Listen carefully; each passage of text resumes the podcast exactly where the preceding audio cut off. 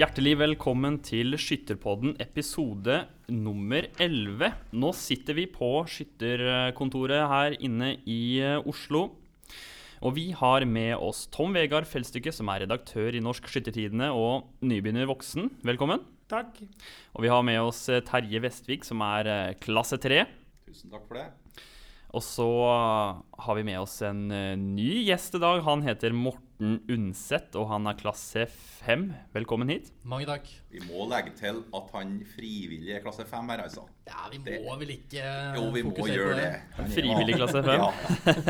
Ja. Morten, Morten har et stort ønske neste år om å bli skytterkonge på hjemmebane i Elverum.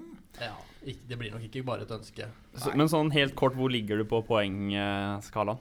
Nei, altså i år så har jeg skutt uh, landsskytterstevne og lagmesterskap. Og da har jeg skutt til 2,28 og 3,41. Bare et par treningsøkter. Jeg hører jeg så er konge neste år. Ja, Mm. jeg tror det. Ja. I alle fall velkommen hit eh, til Skytterpodden. Mitt eh, navn er Sveinung Eide Hansen. Jeg er klasse 5, men dessverre på vei ned i klasse 4. Uh, sånn er det i hvert fall. Vi har en del eh, saker vi skal eh, snakke om i dag. Det er altså en 15-metersesong som eh, står for døra. Den er jo allerede i gang. Og vi skal eh, altså snakke litt om klassesettingsreglene til 15-meteren. Og så er det tid for årsmøter og ombudsmøter. Og der har Terje noen eh, interessante ting å nevne. Og det er også tid for skyteskoler. Og jeg har sjøl vært eh, instruktør nå på en skyteskole for Fåberg skytterlag, og jeg har intervjua noen helt ferske DFS-ere. Og vi skal også diskutere da litt eh, skytespill og DFS. Og så, så skal vi også innom eh, Terjes hullkorn eh, til slutt. Så det er planen for episode nummer 11. Men aller først, hvordan går det med skyttersaken, folkens? Det er et begrep som ikke vi bruker så ofte i dag, men jeg tenker det er på tide å lodde stemninga. Skyttersaken. Veldig glad for at du spør om det med skyttersaken. Jeg tror ikke det er mange ungdommer i dag som liksom kjenner begrepet skyttersaken. Og folk i våpen og 'best å være budd' og disse gode, gamle slagordene. Og skyttersaken det går jo bra med den. Altså, det går jo veldig flott. Vi har jo en ny formålsparagraf som vi prøver å etterleve så godt vi kan. og dette med god våpenkultur osv. er vi jo veldig på eh, i hverdagen her. Så jeg syns at eh, det går fint med skyttersaken. Sånn, eh, det skal vi sa sagt. Og det er en sak, og det er en veldig god sak. Men har noen av politikerne i det ganske land uttalt seg noe om skyttersaken i det siste? Nei, jeg, jeg, jeg tar ordet igjen, da, men det var et morsomt. Jeg satt akkurat før vi går inn her og hørte på det nye Oslo byråd, som fikk masse spørsmål om eh, miljøvern og så videre. Da, og Lan Marie Berg var jo veldig glad i det. Jeg skulle ønske at en journalist hadde spurt hvordan går det med skyttersaken i Oslo for tida? For der har jeg nok vært litt sånn svar skyldig. Der eh, mangler vi jo kanskje litt skytebane osv. Oslo som var en stormakt i skyting. Og så, ja, mange gode skyttere fortsatt, men jeg var litt overraska. Jeg tror kanskje Raymond Johansen også ikke har likt et sånt spørsmål. Men eh, det har vært fint om en VG-journalist kunne ha spurt. ja, det er på tide. det. Det er jo et veldig interessant spørsmål. Ja, er ikke det? For skyttersaken i Østerdalen går fint, eh, Morten? Ja, den går veldig fint. Ja, Morten, du er nødt til å fortelle litt om deg sjøl. Ja, nei, Jeg er sammenlagsleder i Østerdal og skytterlagsleder i Elverum. Og så jobber jeg på skytterkontoret. Eh, Det så- høres ut som mye arbeid. Ja, det, det er mye arbeid. Jeg har ikke så mye fritid lenger, men eh, Han er er god til å delegere, da. Ja, det er god til å Og delegere. fremming av skyttersaken hele veien. Og så er han jo flyger, da, så han har tid til alt det der. Han Ja. flyr rundt. Ja, flyr rundt. Ja, Så er han sykepleier når vi er litt dårlige òg. Så han er alt en Morten. Skikkelig potet. Skikkelig potet. Ja. Potet. Høsten er jo altså kommet. Eh, bladene faller fra trærne. Det begynner å bli litt eh, kjølig. Det betyr at eh, vi DFS-ere vi huter oss inn på 15-meteren, finner fram 22-kaliberen og legger oss ned for å skyte på 15-meteren.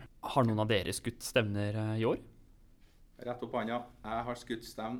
Jeg glemte å reima, for jeg glemte å ta av reima fra forrige. Oi, oi, oi. 6,5 til 22. Men da fant jeg ut at det er skytsen sikkert lik ens uten reim også, så det er egentlig bare tull, dette med reim. jeg lånte meg reim, det var i Nittedal i helga, da fikk jeg låne meg sånn rekruttreim, men den gikk ikke an å feste på framfestet, så det ble litt dårlig, dårlig skuldra. Men Da var det jo det per sånn definisjon ulovlig, da. Per definisjon ulovlig, og det orienterte arrangøren om at de kunne få lov å diske meg, men de syntes nok ikke at resultatet var så farlig at jeg kunne få lov til å stå. Da. Det var nobelt. Så sånn er det. Men uh, det var en morsom, morsom start. Men eh, det er jo mange sånne smeller som folk går på. Oh, ja. Det er litt verre om jeg har tatt fram 6,5 f.eks. Det er jo noen som har gjort også det når de har gått over til sesongen. Så, men det blir jo morsomme historier etter hvert. Ja. Mm. Har du gjort noe sånn, Morten? Nei, jeg har ikke gjort det. Jeg har skutt eh, Det, det var en åpning på med 6,5 i fjor. Da reiste jeg på stevne uten mirasjbånd. Det er vel egentlig en sånn blemma jeg har gjort. Ja, det er ikke Mirage på. Det er ikke det verste du kan gjøre, da. Nei, men det ble urolig på omgangen. Ja, det tviler jeg ikke på. Ja. Men eh, jeg har folk til å ordne det meste for meg, så jeg, jeg pleier ikke å glemme noe av den grunn. Sånn er du, ja, som har faktisk coacher. Ja, ja det er det du har. Redaktøren på stevnet, det Ja, OK. eh, Det er jo altså vedtatt at det er noen nye klassesettingsregler for 15-metersesongen spesifikt. Uh, Hva går det ut på da? Hvem er det som har lyst til å svare på det? Nei, jeg vil bare si at Det var jo to ting nå som ble vedtatt på, på Skyttertinget som er vesentlig å, å fortelle om. For det første er at klassesettingsåret nå skal gå fra 1. oktober til 30. september. Tidligere har det vært i kalenderåret per 1. januar. Og det andre er at nå skal vi altså ha egen klassesetting på 15-metersskyting fra og med 1.1.2020. Og sånn som Skytterstyret har vedtatt reglene nå, så er de poengsummene du har skutt da i 2019, tellende for om hvilken klasse du skal komme i på innendørsskyting i 2020. Så alt det poengsummene du skjøt nå i vinter i klasse på 15 meter, og det du skyter i høst, teller altså for en egen klassesetting til 15 meter til vinteren. Og mitt DFS er klar for å få til den overgangen her, eller? Eh, Vi har sagt at eh, det er ikke sikkert at det er klart. Eh, Vi jobber med det, og da må hver enkelt for hver enkelt ansvar for å sjekke at du skyter rette klassen per 1. januar i 2020. så vi, vi gjør det så enkelt at du styrer det sjøl? Du styrer det sjøl, men vi, vi jobber faktisk nå med saken. Det er mye sånne datatekniske ting, og det vet Morten som jobber på IT mer enn meg om. Men eh, der eh, skal vi prøve å få det til. Men om vi ikke klarer det til 31.12., så må hver enkelt eh, sjekke sjøl hvilke resultat han har hatt da i 2019. Nei, Vi jobber jo ganske hardt med det, men det er jo en del utviklingstimer hos leverandør der, så vi, vi håper å få det klart. Det kan hende. Men eh, dette blir bra uansett. Ja, det er mange som er glad for det, vet jeg. Jeg, jeg er mer usikker på om det her eh, nødvendigvis er så positivt som en del skal ha det til. Og jeg tror heller ikke det er veldig mange som kommer til å ha ulik klassesetting heller. Eh, Så, så ut fra debatten som både er på diskusjonsforumet og litt ned møter sitter ute, tyder på at det blir veldig mye diskusjoner av mindre detaljer. Og mindre på om dette skaper flere skyttere.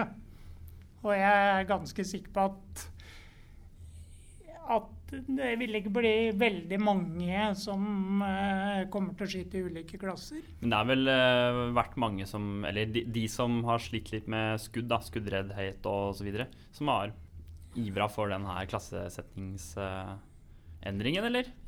Eller er det det Men eller har, har, har det i Når vi driver med skyting, er det om du topper klasse fire, eller om du er med klasse fem, er det det som betyr noe, eller er det selve gjennomføringen du gjør på det stevnet, tenker jeg. Men vi har jo eksempel på skyttere som kun skyter innendørs, og som ikke skyter ute. Og de har jo egentlig ikke blitt klassesatt tidligere. Eh, Og nå vil man jo få en mer rettferdig klassesetting på, på de. Så jeg tror det er ganske fornuftig at man har to ulike klassesettinger her. Man skulle kanskje hatt på felt også.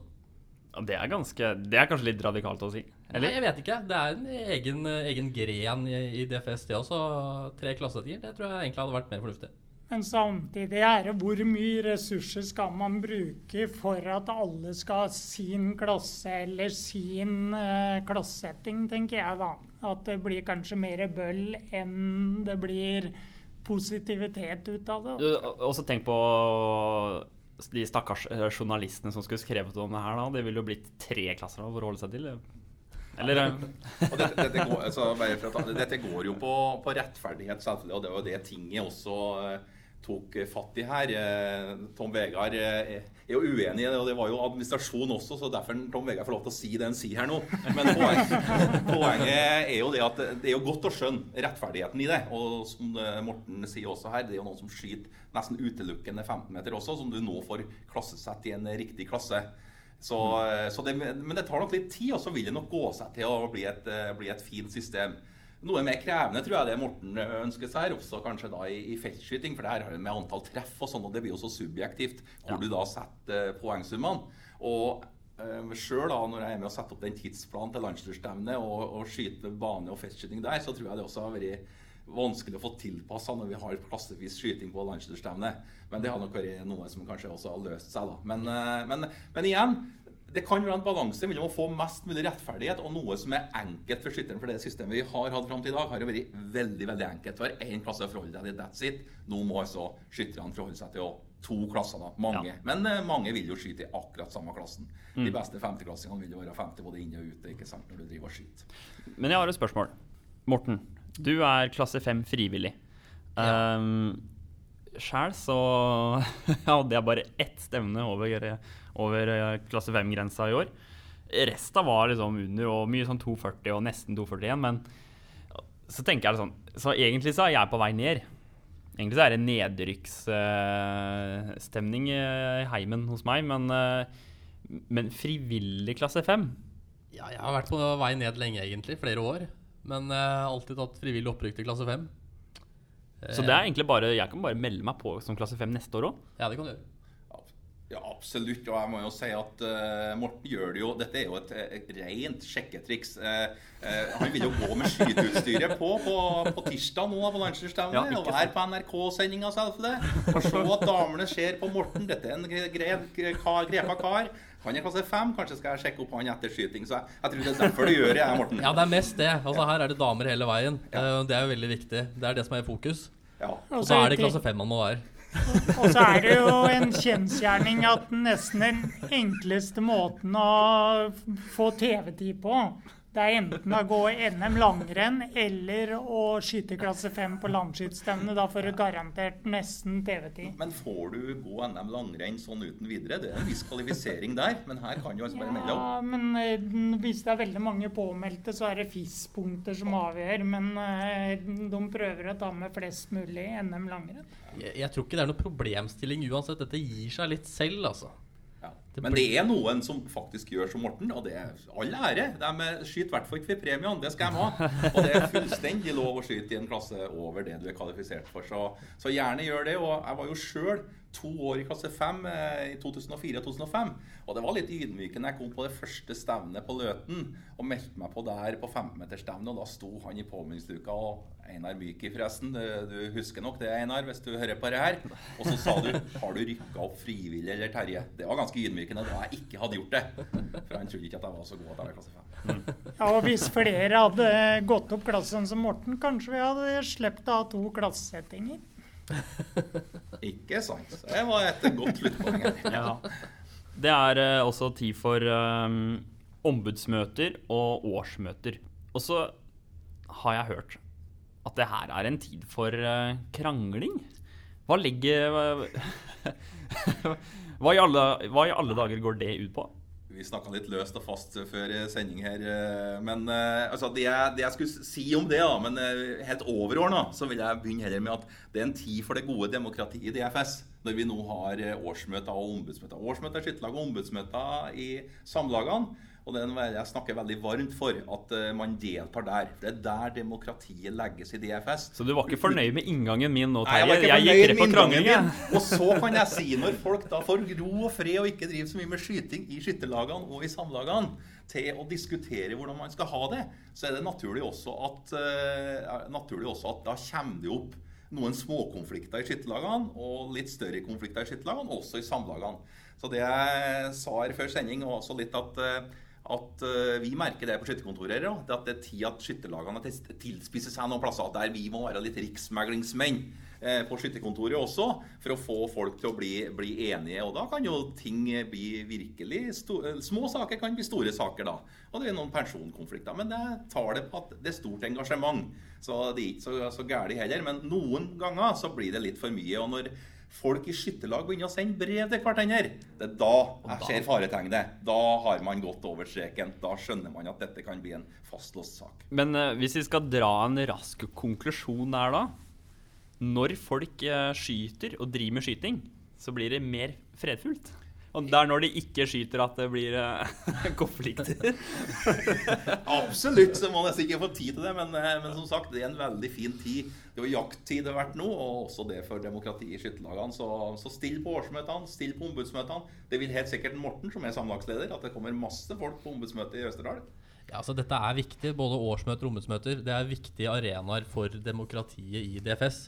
Det er der vi tar store avgjørelser, og det er der eh, folk må møte for å si meninga si. Og så er det også altså uenigheter, det, det, vil det være, men det er også veldig viktig for at det skal kunne utvikle oss videre. Og er vi bare enige, så blir det litt kjedelig. Eh, det er ved uenighet vi får utvikling. Og nei, folk må møte opp på årsmøter og ombudsmøter. Ekstremt viktig. Utfordringa er vel i mange skittlag og sånn er vel at folk møter vel opp når det er et stridstema, og så er det litt få som møter opp de åra det er helt ordinære årsmøtesaker. Og det, det er litt trist, pga. at det er på en måte årsmøtet man legger tankene for det neste året man skal inn i. da. Ja, så Ordinære årsmøter er veldig viktig. Altså, der har man planer til, frem til neste år, langtidsplaner. Eh, det er der man legger grunnlaget for hva man skal drive med, og, og fremme sporten og skyttersaken på en god måte. Så, så, bare på ordinære årsmøter så Det kan eh, for noen virke litt kjedelig, men det er ekstremt viktig, og det er veldig givende.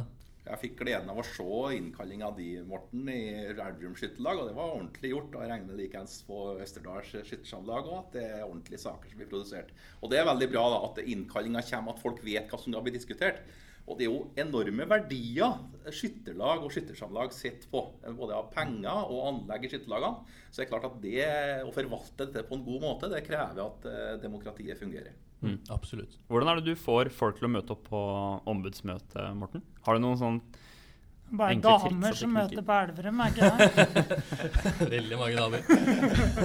Nei, men på, på, Hvis vi tar årsmøtet i skytterlaget Eh, der har vi de to-tre siste årene nå arrangert rakfisklag på slutten av møtet. Det er veldig, blitt veldig givende. Det er en sosial arena hvor, vi, hvor mange ønsker å delta eh, og ha det hyggelig. Og, og det bidrar òg til at flere deltar på det ordinære årsmøtet. Men det kan bli et lystig årsmøte hvis akevitten kommer litt da rakfisklaget først, og så alle sakene etterpå? Ja, det kunne vært interessant. Det, det blir jo litt uh, akevitt på, på, hele gjengen, så det er jo god stemning der. Men uh, jeg tror kanskje det kan være smart å ta årsmøtet først. Men det hadde vært interessant. Og jeg tror dette er veldig vesentlig, at det lokkes med noe med kanskje mer enn bare den sakslista og gjennomgang. Dette, og det er mange samlag og skytterlag som har gode tradisjoner med å ha noe mat og kose seg litt også, i tillegg til årsmøte og ombudsmøte. Og, og det, dette med at et årsmøte skal være så effektivt eller Folk skryter til meg vi klarte å få unna ombudsmøtet på én time i år. Akkurat som at det er noe VM i å bli ferdig. Det er det altså absolutt ikke. Der skal man ha tida til å diskutere det man skal ha, og sette av det nødvendig tid. Og så er det noen, kan være noen konflikter ser jeg også på om det skal være en kveld eller om det skal være en helgedag. For helgene våre er så veldig de er så veldig busy med så mye andre ting, da. Så kanskje er å bruke en kveld, men å ta seg god tid en kveld like godt som å bruke en helgedag. Også jeg som har jobba som journalist siden starten av 90-tallet, jeg husker når jeg jobba i avisen Hadeland, så dekket jeg mange årsmøter i mange ulike organisasjoner, men det var skytterlagsårsmøtene jeg syntes var gjevest, for jeg var alltid smørbrøden litt høyere enn hos de andre.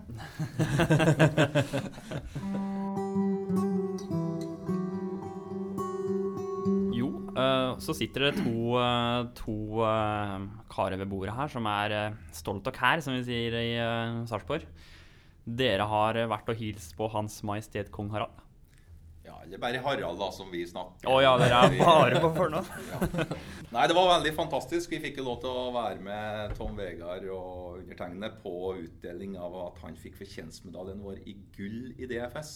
Og det kan jeg også avsløre. Han fikk den siste medaljen, noe som var i ekte gull. Vi hadde en på luringa. Nå er det slutt på at det er ekte gull.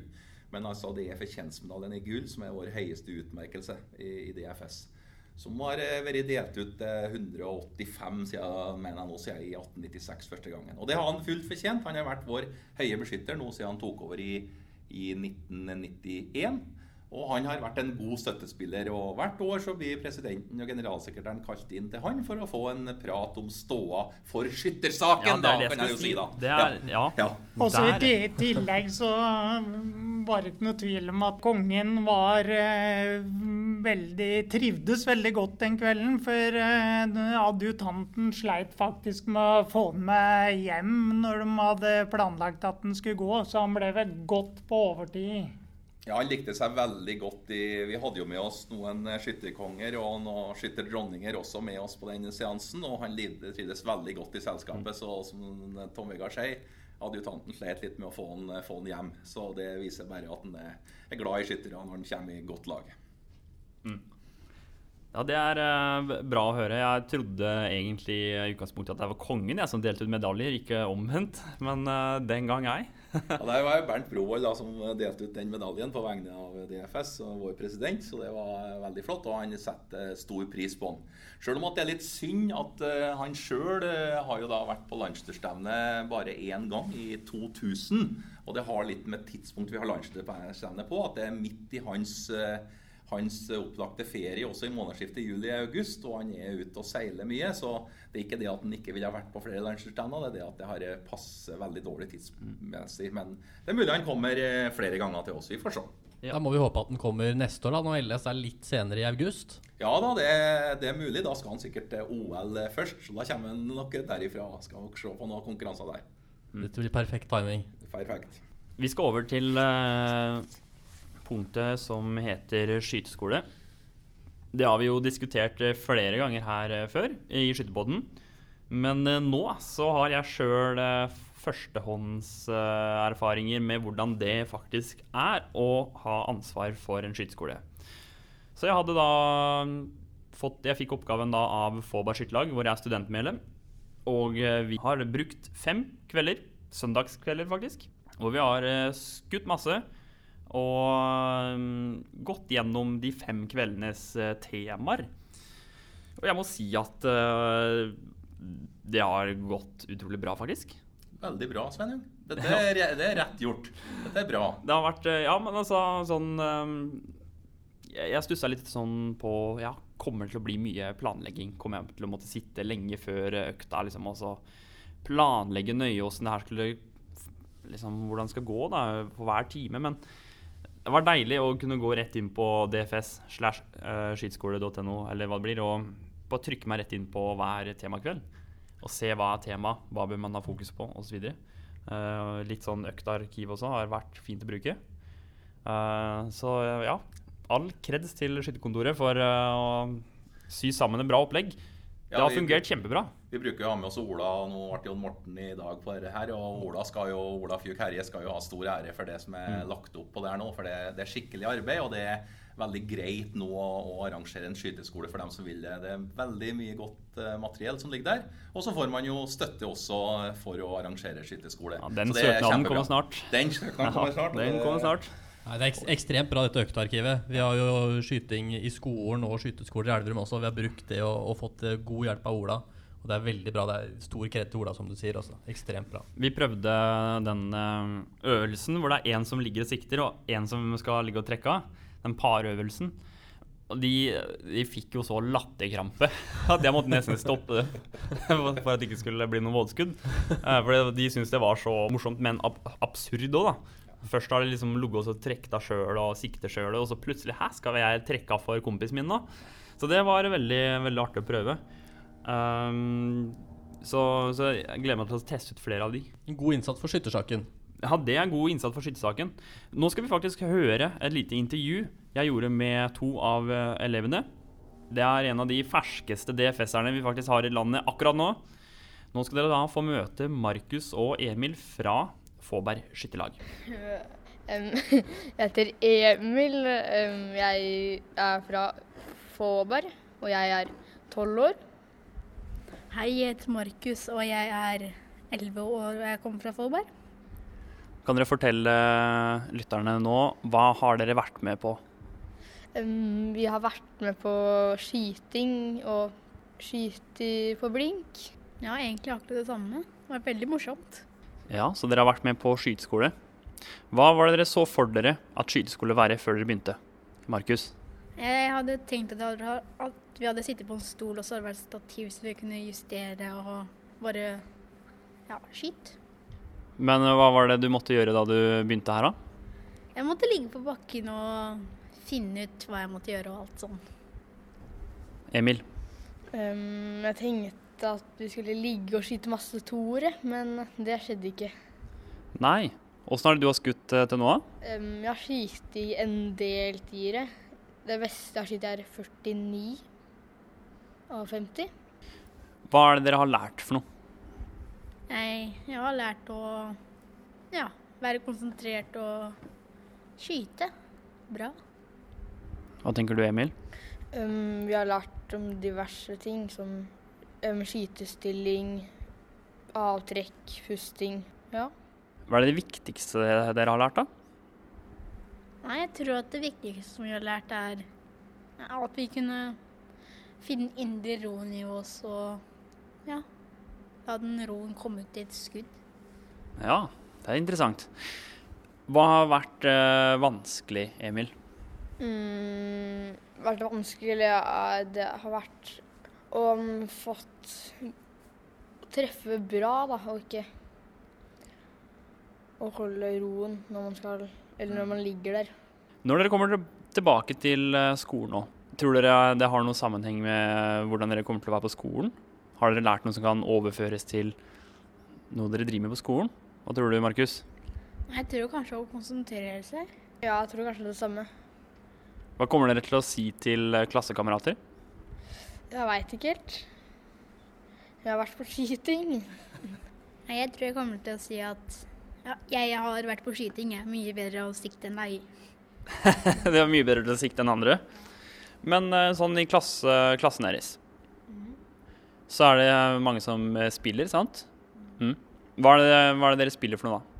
Mm, litt forskjellig. Jeg spiller litt Fifa og ja. Nei, jeg spiller veldig mange skytespill og noen bilspill. OK, du, skyt, altså, du driver med noen skytespill. Hadde du sett for deg at uh, altså skyteskolen, det du har lært nå, har du sett for deg at det stemte det overens med skytespillet? Eh, Jeg kan si at litt av det har stemt over at jeg er nødt til å bruke lengre tid til å finne ut hvor skuddet mitt går og ja. Må på en måte føre over masse ting. Men er det veldig forskjellig, eller er det veldig likt? Hva tenker du? Ja, det er litt forskjellig, men også litt likt. Konkurranser. Tenk, hva tenker dere om å skyte konkurranser? Det har vært spennende å være med på, da. Og kanskje vunnet noen ganger. Jeg tror det har vært veldig morsomt, og at det er en måte morsomt å se hvordan du treffer, og hvordan andre treffer, og ja, syns jeg er morsomt. Så da kan vi jo håpe på, å, håpe å se dere på resultatlister da, framover. Tusen takk for intervjuet, gutta. Ja, det var Markus og Emil fra Fåberg. Hva er deres umiddelbare tanker etter å ha hørt intervjuet med de to gutta, Morten? Nei, det, det høres jo ut som at de har det veldig gøy. Og det er, det er jo det som er veldig viktig når vi driver med, med skyting. Eh, spesielt for ungdom. Det skal, være, det skal være morsomt. Og de forteller jo selv her at, eh, at de føler at de får en økt grad av konsentrasjon som de jo kan dra med seg inn i, i skolen, som er også veldig viktig. Det er morsomt å høre det. Jeg ble, jeg ble overraska faktisk over eh, at han ene gutten sa ja, den indre roen har vært viktig og lært noe om å kjenne på den indre roen. Vi, altså, vi, vi har ikke snakka om den indre roen spesifikt, men vi har på en måte fokusert på ja, eh, arbeidsoppgavene. Ok, nå skal vi fokusere på sikte, vi skal følge skuddet ut i blinken osv. Og, så videre, og vi skal slappe av og de tinga der. Men, men at, han faktisk, eh, at de har faktisk kjent på den indre roen og tenkt over det. Veldig artig at de drar fram det selv. Ja, Og akkurat som at jeg trodde kanskje ikke at det var noen unge folk som dem som helt tatt vet hva ordet indre ro er. Det er jo sånn at det er jo så mye stress og så mye man skal få med seg, og alt det skal jo leves, livet skal jo leves så fort. Men jeg har aldri sett at du har den indre roen på skytebanen. Nei, men det er jo noe man skulle gjerne ha prøvd å fått, fått til litt bedre, da. Men eh, altså, det er jo det som er greia. Kampen mot seg sjøl. Dette er jo skal skyting for mestring også, ikke Ja. sant? Altså at det er en greie der man var, må være helt i pakt med seg sjøl og har bare dette å konsentrere seg om. Det der sjøl og avtrekkerfingeren og geværet og det skuddet som skal i blinken. Så det er jo, så vi har en fantastisk sport vi holder på med, som er en særegen akkurat rundt det her. Det er kanskje det som gjør idretten til en av de mest fredfulle idrettene også. Ja, et paradoks å si. sant? Ja, Skyting det er det mest fredfulle, men det er jo akkurat det du sier der. Altså mestring, altså når, når mennesker opplever mestring, så, så er de mer i balanse med seg sjøl. Jeg prøvde å forklare det her til en uh, utenlandsk uh, foreleser jeg har uh, på, på bachelorstudiet mitt. da, At jeg driver med skyting, og det er fredfullt osv. Og, og det er liksom Ja, det er ordentlig sånn fin idrett som alle kan drive med, men han kjøpte virkelig ikke det fredfulle argumentet, da. Han trodde ikke på meg, da. Hvor var han fra?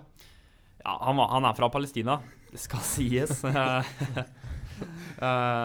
og jeg var, var sjøl i Israel og Palestina nå for noen uh, uker sia, og jeg, jeg kan jo forstå at, eh, at det er vanskelig for andre, andre land og stater å forstå den norske skytinga, og hva det er. Men altså, det er veldig behagelig. Eh, Jeg har det jo veldig travel, travel hverdag. Det er deilig å ta seg en tur på skytebanen og ta seg en skyteøkt. Altså, det er som yoga og balsam for sjelen. Det er veldig deilig. Altså, da, da kan du bare stenge ute alt annet, og det eneste du trenger å konsentrere deg om, det er det ene skuddet som er inni kammeret da du skal trekke av. Mm. Det er noe særegent med det der.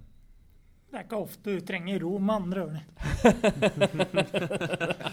Men det var et godt uh, bilde, syns jeg. Eh, det, det, er vår, eh, det er vår yoga å drive med skyting. Det kan en gjerne bruke som et, som et uttrykk, for det er det, faktisk. Ja, det er faktisk Ja, det. ja. Men jeg tror nettopp det med en god våpenopplæring er det som på en måte gjør det til yoga, da, på en måte, og fredfullt. Fordi eh, Norge har jo en helt annen opplevelse av alle disse skytetragediene vi ser i USA og andre steder, som de har en helt annen bakgrunn og tankegang med det med våpen da, enn vi har. Ganske unikt. Det bringer oss over til eh, det andre punktet som, eh, som jeg tok opp i eh, intervjuet. Jeg spurte de to gutta om skytespill. For det er nemlig sånn at mange barn driver altså med dataspill, selvfølgelig. Det har jeg drevet med sjæl òg. Sikkert du også, Morten. Du er Nei, faktisk ikke. ikke? Nei. Nei, da er du litt for gammel, da, kanskje? Det eneste jeg har spilt av spill, det var sånn derre Driver 3 het det. Det var et bilspill. Det var moro å bare kjøre rundt med bil og, og lastebiler. Ja, det er bedre å gjøre det der enn å gjøre det på ordentlig, holdt jeg på å si. Ja, Eh, uansett. Uh, det her er en stor tematikk på barneskoler og ungdomsskoler. Eh, og kanskje spesielt barneskoler, i og med at eh, altså, barna er på en måte yngre og yngre nå med tanke på når de begynner med de spillene her, da, og, og mye er skytespill. Og det ble et tema på skyteskolen. Jeg fikk spørsmål om det, og da valgte jeg altså å ta en samtale med de elevene om det her temaet. Så Og tenk på det som vokser voldsomt nå, som eh, sjøl mangler forståelse. Jeg har ikke helt skjønt det store med all den e-sporten nå som vokser fram. E-sport, det er det nye. Nå har jo NRK også begynt å, med e-sport, og det er skytespill osv. De, de har jo eh, konfrontert meg med det også, hva vi syns om de skytespillene som da er på e-sporten. Og, og nå møtte jeg en eh, som er veldig tett på organisasjonen vår. Eh, han lurer hva vi holdt på med og sånn om dagen, og vi holder på å lage en ny langtidsplan som vi gjerne skal snakke om en annen gang. Og da sa han ja, i den nye langtidsplanen deres så må dere, nå må dere sørge for å bli førersete på e-sport. Det er ikke så veldig mange som har tenkt den tanken, tror jeg, og liksom fikk en sånn aha-opplevelse.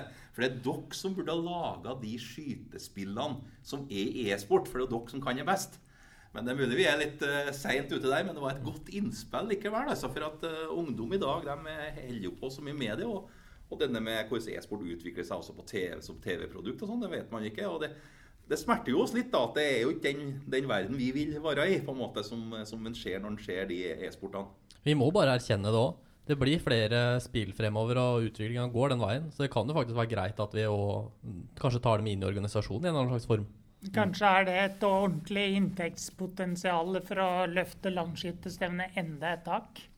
Absolutt. Det kan også være noe som du kan, kan, kan spille på i dobbel betydning her. Så det, det er noe her, altså. Så det, det han sa, han som kom og, og konfronterte meg med det her, det, det er ikke så dumt som det første. liksom. Det er ikke det første vi tenker på. Vi skal legge en ny langtidsplan i DFS. Hvordan skal vi gjøre grep om e-sporten? Det var den første som må ha sagt til meg, og det, men det trenger ikke være veldig dumt. fordi at vi vi må sørge på å se på det som skjer rundt oss i verden også, og ikke bare være nede i, i våre skytestillinger og våre programmer. Nei, Det er interessant. Vi må se fremover og være fremtidsretta og, og, og, se utover. Det. Men det her vil jo på en måte virkelig rokke ved den hva skal jeg kalle grasrotfortellinga om DFS. ikke sant? Vi var inne på det. Det er en fredfull idrett. Um, mestring er i fokus.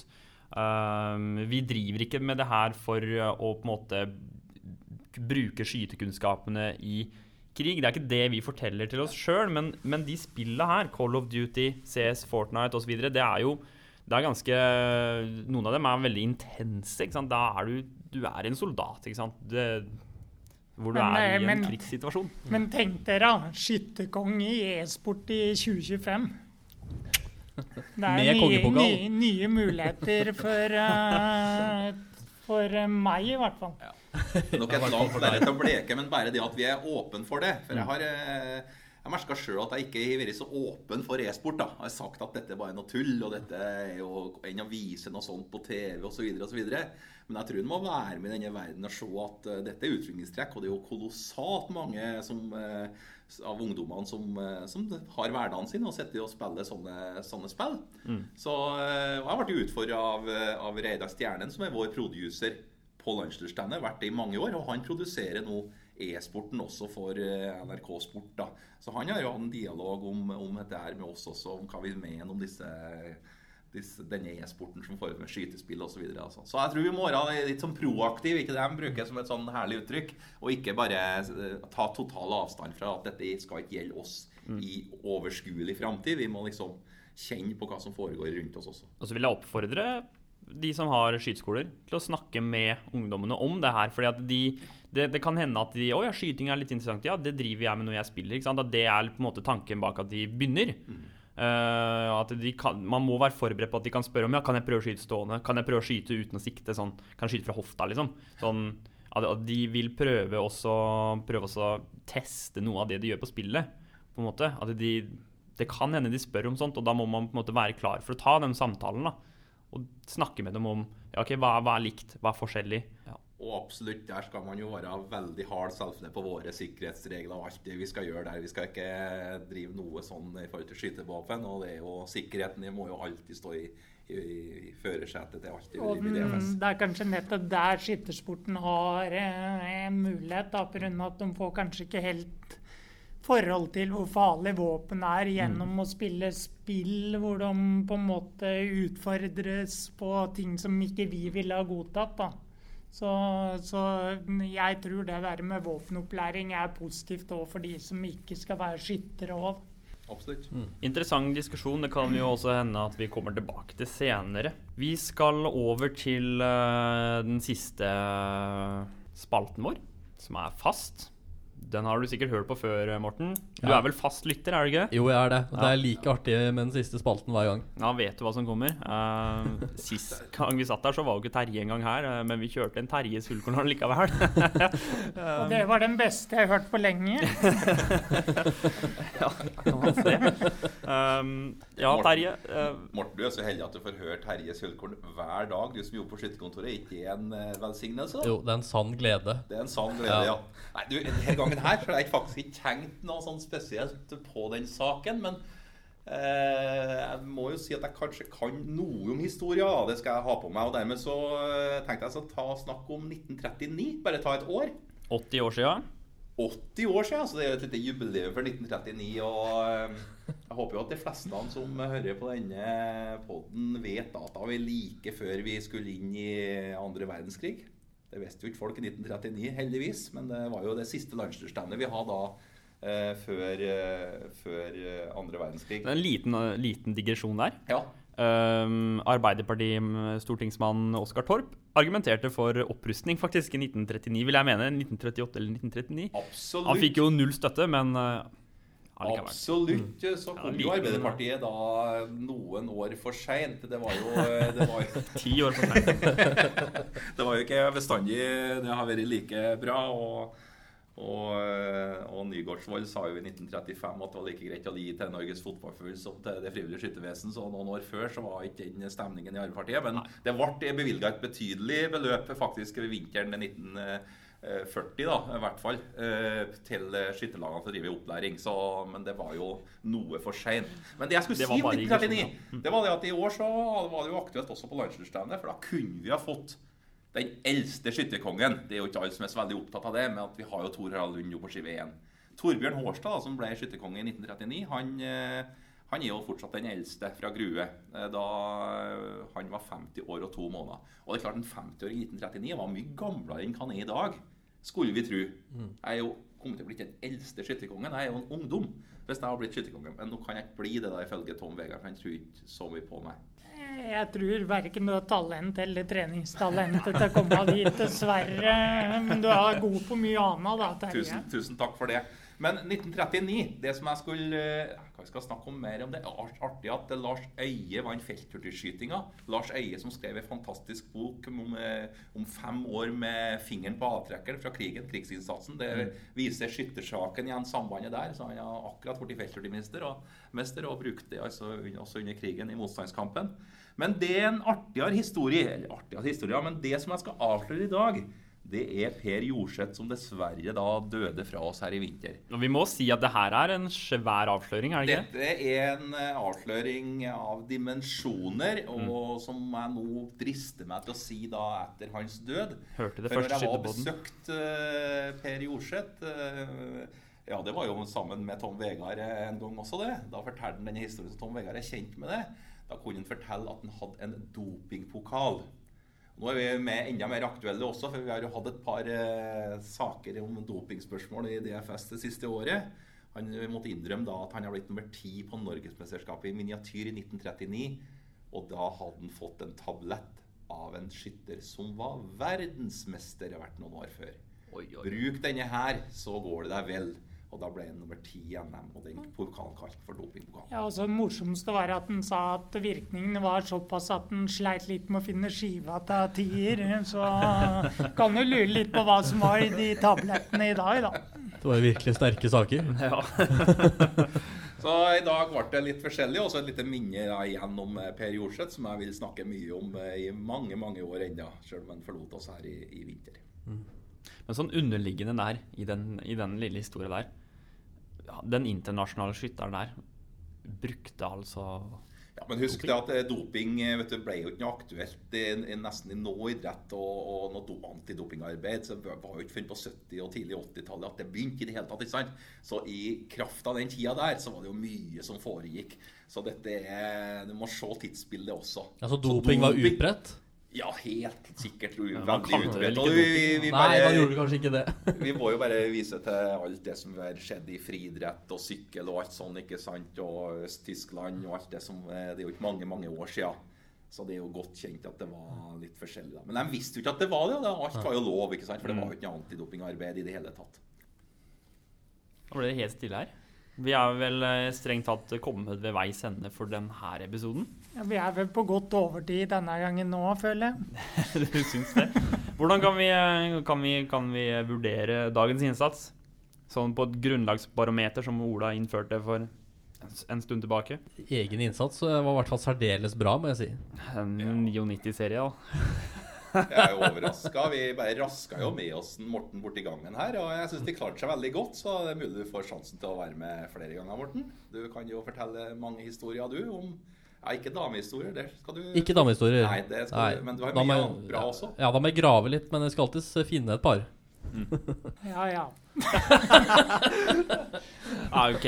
Um, tusen takk for at du har lytta på Skytterpodden. Og lytter til eh, skrøner og, og litt skjemt og litt uh, alvorlig prek her på, fra skytterkontoret. Husk å anbefale Skytterpodden til eh, venner i skytterlag og familie. Og kom gjerne med spørsmål. Det er vi alltid glad for å kunne diskutere her. Vi har per, eh, per da har vi ennå ikke fått noen spørsmål eh, i innboksen, så der er det ganske stilt. Så jeg vil virkelig oppfordre til å komme med spørsmål.